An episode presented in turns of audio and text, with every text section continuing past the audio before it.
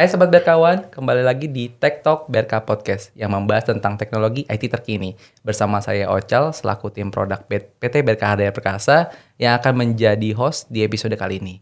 Nah, di antara kita ini sekarang udah ada juga Bapak-Bapak kece.id yang memang pakar IT solusi dari Unified Data Protection Veritas Indonesia.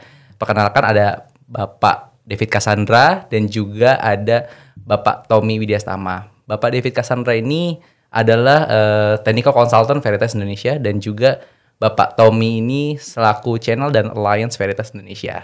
Apa kabar Om? Baik. Gimana? Baik, baik, baik. baik, ya. Pandemi masih aman ya? Aman. Kondisi. Ya. Memang sekarang kalau misalnya pandemi udah mulai surut tapi naik lagi jadi kadang suka nyebelin sih kalau kita nggak jaga kondisi tubuh ya om ya. Ya, yang penting ya. kita podcast uh, prokes aja di prokes ya. Iya. Bukan podcast ya. Bukan podcast ya. podcast juga, prokes iya. juga iya. Oke oke oke. Ya, nah, mending dinikmati aja, Cal. Dinikmati. Nah, dinikmati Prosesnya dinikmati. Iya, benar-benar. Nah, ini sebenarnya ada beberapa hal yang akhir-akhir ini muncul di kepala Ocalnya. Hmm. Sebenarnya tentang IT di cloud sih. Teknologi cloud itu kan kalau ditanya apa memang happeningnya sekarang? Enggak juga. Happeningnya kan udah mulai dari 2015 sampai 2017 tuh udah mulai banyak gitu. Dan juga uh, untuk cloud provider sendiri udah banyak. Bahkan udah banyak juga yang investasi di Indonesia gitu kan.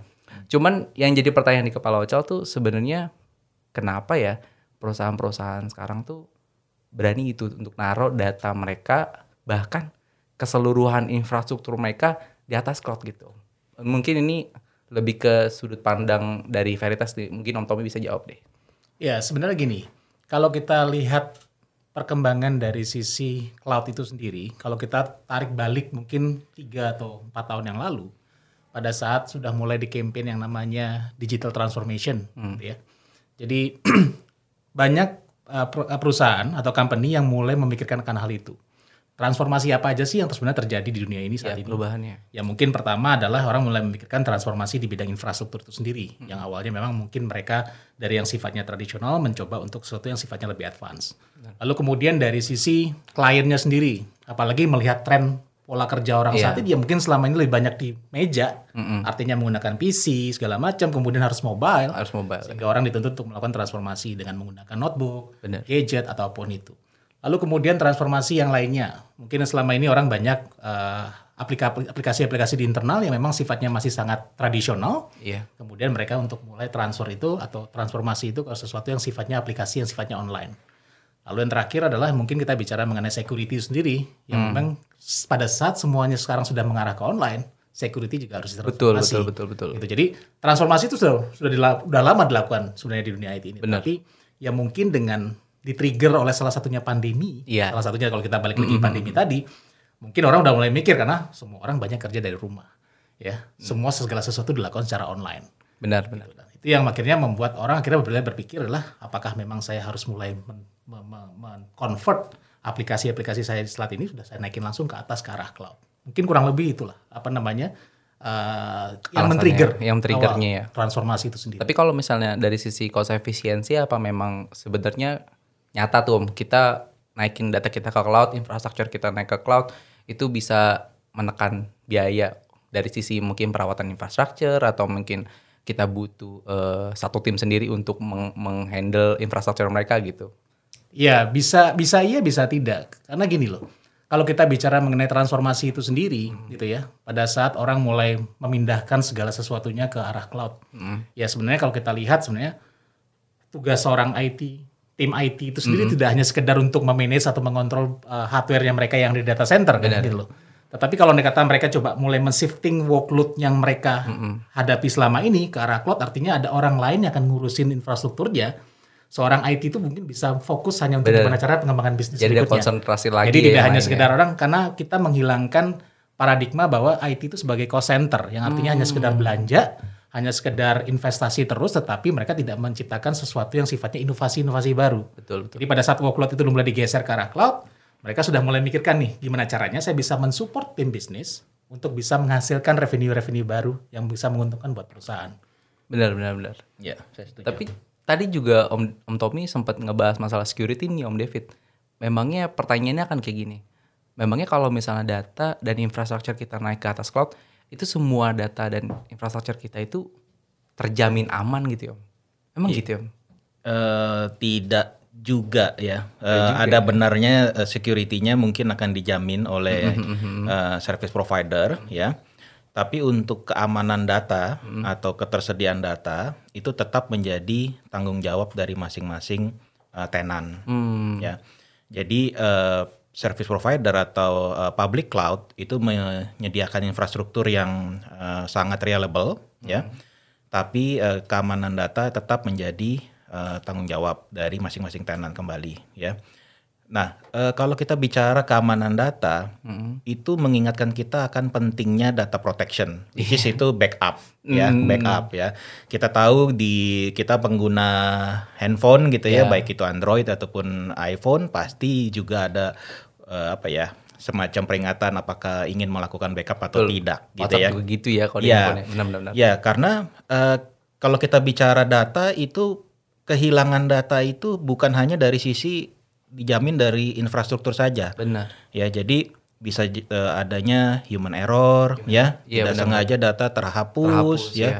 Kemudian mungkin data corruption hmm. dan mungkin juga ada insider threat ya. Insider ya, insider threat tuh misalnya ada orang-orang yang tidak senang di dalam perusahaan yang ya. ingin melakukan uh, pengerusakan data ya. hmm. ya. Dan tidak lupa bahwa ransomware itu tetap selalu menghantui baik hmm. itu kita di on-prem maupun di uh, cloud. Oke, berarti sebenarnya dalam artinya kita tuh butuh butuh backup ya Om di cloud kita ya Om ya.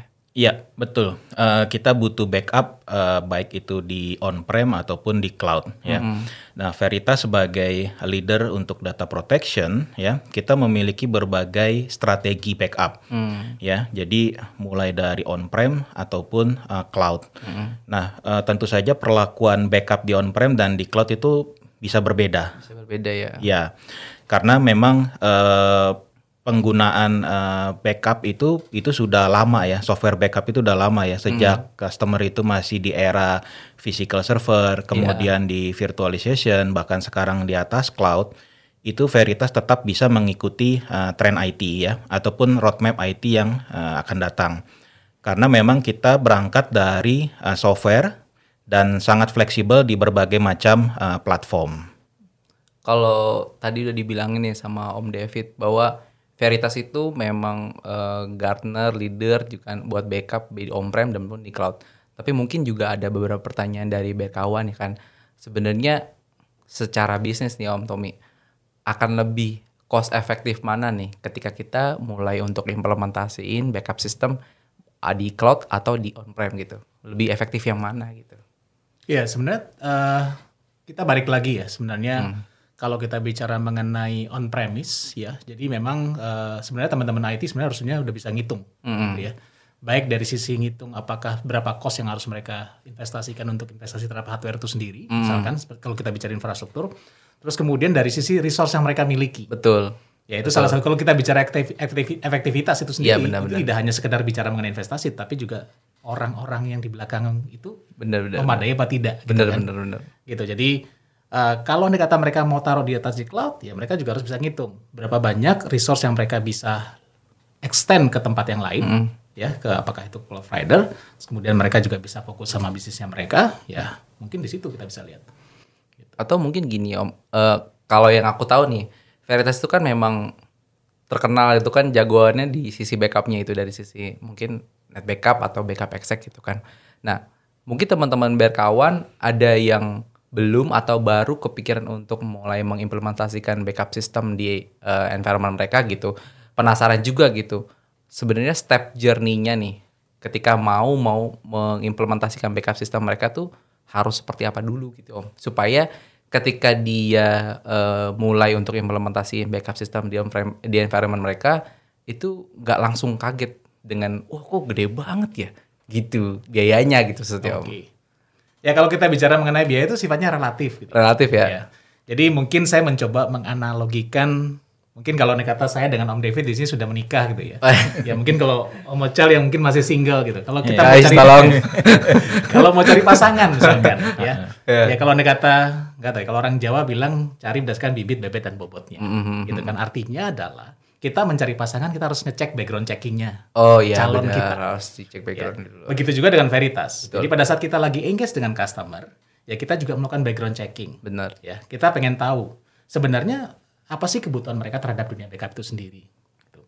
terus kemudian kira-kira apa saja apa data-data yang mereka mau di backup karena tidak belum tentu semua data itu bakalan di backup Hmm. Kita lihat apakah itu data itu kritikal apa tidak benar, dan benar. itu perlu di backup apa tidak gitu ya. Benar, benar. Terus kemudian infrastrukturnya mereka seperti apa ya. Jadi kita harus cek semua background checking itu sebelum kita memberikan solusi kepada customer. Karena dari sisi Veritas artinya adalah kita mendeliver solusi itu sesuai mm. dengan kebutuhan mereka. Mm. Walaupun mereka memang sifatnya oke, okay, saya dana saya saat ini terbatas gitu ya. Betul. Ya mungkin kita bisa bikinin uh, apa namanya roadmapnya. Mm -hmm. ya, mungkin dari kita step ini kita mau coba backup ini dulu. Mm -hmm. Nanti berikutnya seperti ini, nextnya seperti ini, dan tidak menutup kemungkinan suatu saat saya akan mau naik ke atas ke cloud. Gitu. Jadi step by stepnya ada, dan itu kita bisa bantu. Ya. Veritas bisa bantu untuk menganalisa itu. Ya. Gitu. Nah, jadi ini karena banyak nih om yang ngedemo col nih banyak nih yang ngedemo col nih bang gimana bang cara aja gitu kan ya, nah mungkin buat mungkin saya bisa bantu ya uh, sorry kepotong gak apa-apa gak apa-apa jadi uh, kalau kita bicara journey to uh -uh. the cloud ya itu kan uh, banyak uh, ininya ya apa uh, jalannya mm -hmm. gitu ya kalau kita bicara dari sisi backup itu mulai dari memanfaatkan cloud sebagai target backup cloud sebagai target backup. Iya, itu yang paling yang, uh, simple. Yang paling simple ya. Iya, artinya bahwa banyak customer-customernya Veritas juga mulai melirik, wah ini kayaknya solusi cloud ini bisa kita jadikan solusi untuk target backup. Hmm. Biasanya mereka pingin uh, menggantikan tape. Oh, ya. berarti target backup itu adalah ketika datanya itu disimpan gitu ya Om ya, ya aset backupnya. Oh, disimpan okay, okay. di atas cloud, uh, ya kan, uh, karena dengan dengan uh, cost efektif yang ditawarkan oleh uh, public cloud mm -hmm. itu menarik eh, customer-customer uh, untuk menyimpan data di cloud mm. gitu. Nah, itu step yang paling simple yaitu melakukan backup to the cloud. Yang berikutnya adalah bagaimana melakukan backup untuk workload-workload yang memang lahir di atas cloud. Lahir di atas cloud. Ya, jadi contohnya banyak sekali organisasi sekarang itu ya eh, membuat aplikasi-aplikasi mm -hmm. ya untuk uh, customer-customer mereka mm -hmm. gitu ya. Nah, aplikasi-aplikasi tersebut itu dibuatnya di atas cloud gitu hmm. ya. Nah, mereka juga perlu di backup gitu aplikasi-aplikasi hmm. tersebut. Nah, tentu saja bagaimana kita bisa melakukan backup in the cloud. Hmm. Nah, kemudian tidak lupa untuk customer-customer yang kelas enterprise yang memang sudah memiliki data center yang besar di on-prem-nya, itu biasanya mereka akan menerapkan konsep hybrid cloud. Hybrid. Hybrid uh, data center sorry hybrid, hybrid data, data center, center di mana ada on prem dan juga ada cloud environment. Uh. Nah di situ Veritas harus bisa ya menjawab tantangan bagaimana melakukan backup di on prem dan juga melakukan backup di cloud hmm. gitu. Jadi journey-nya bisa journey-nya macam-macam ya. Macam-macam dan yeah. seperti kata uh, Om Tommy gitu yeah, ya yeah, bahwa yeah kita bisa mulainya dari mana saja mm -hmm. ya entah itu menggunakan backup esek atau juga menggunakan uh, net backup tapi pastinya harus dicek dulu backgroundnya ya seperti yes, apa sesuai gitu. workloadnya ya sesuai dengan uh, kemampuan dari uh, organisasi untuk mengelola data mm -hmm. tuh nah ini buat sobat berkawan udah tahu ya jadi step journey-nya kalau misalnya dari teman-teman yang memang belum mengimplementasikan backup sistem mereka uh, bisa call Veritas misalnya. Nanti di, dibantu untuk background checking dulu disesuaikan di adjust seperti apa nantinya dan kita mulai dengan step journey yang mana itu terserah gitu. Jadi sesuai dengan kebutuhan sobat berkawan aja sih sebenarnya kayak gitu. Ya nanti dibantu untuk melakukan assessment. Ya dibantu ya. dengan assessment benar. Hmm. Ya kadang-kadang mungkin saya juga tambahin juga sedikit. Oh, boleh boleh kalaupun nanti teman-teman sudah sudah sudah menggunakan produk backupnya Veritas misalkan, uh di pertengahan jalan setahun pertama, tahun kedua pun juga kita bisa bantu melakukan assessment. Oh gitu. Ya, kira apa namanya uh, produk backupnya itu masih cukup mumpuni apa tidak? Dari Betul. assessment karena, ini karena dari sisi... data kan pasti akan berkembang terus ya. Uh, data kan setiap tahun bertambah terus kan. Mm. Kita bisa bantu juga assessment di tengah jalan. Tapi assessment ini assessment ke arah environmentnya atau assessment secara license nih Om? Ya bisa dua hal. Bisa dua bisa hal. Dua ya? hal. Oke. Okay. Gitu. Kalau kata emang ternyata dari sisi environmentnya datanya berkembang cukup besar. Betul. Artinya mungkin ada yang mungkin license yang harus ditambah misalkan. Benar-benar. Jadi intinya supaya menjaga si uh, customer atau sobat berkawan yang udah pakai Veritas tetap bisa growth dan terproteksi lah. Iya, yes, iya. betul. Jadi outcome-nya itu bagaimana customer tetap puas pakai uh, produknya Veritas gitu. Jadi assessment tidak hanya di awal, di tengah-tengah baru kita assess. Bisa, bisa, bisa. Yes. Karena data growth terus dong. Data, data ya, growth ya, terus, tren IT juga berubah, berubah. terus. Benar, benar, yes. benar. Nah, e, kalau kita bicara keamanan data, mm-hmm. itu mengingatkan kita akan pentingnya data protection, which is iya. itu backup, ya, mm. backup ya. Iya, betul. E, kita butuh backup e, baik itu di on-prem ataupun di cloud, ya. Mm. Nah, Veritas sebagai leader untuk data protection, ya, kita memiliki berbagai strategi backup. Begitu juga dengan Veritas. Betul. Jadi pada saat kita lagi engage dengan customer, ya kita juga melakukan background checking. Benar. Ya, kita pengen tahu sebenarnya apa sih kebutuhan mereka terhadap dunia backup itu sendiri. We live in a time of inescapable transformation. The world around us demands an accelerated pace of change. For businesses, nothing embodies this more than managing data in the cloud. The cloud. It sounds so simple, so clean, which makes its complexity that much more confounding. For the cloud is not a thing, it is many things.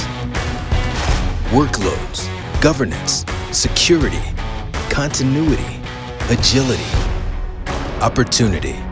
For businesses, the cloud is a call to action to transform the way they manage their data. But how do you navigate a shifting landscape that defies cohesion? How do you enhance data protection and ensure compliance while crushing costs? How do you close the data management gaps and strengthen your resilience? By giving yourself every advantage. Freedom to scale, flexible deployment, orchestrated recovery, automation, visibility, analytics, insights. This is not a wish list of standalone capabilities. This is the all-in-one power of a unified data services platform. It's what businesses need to conquer every cloud.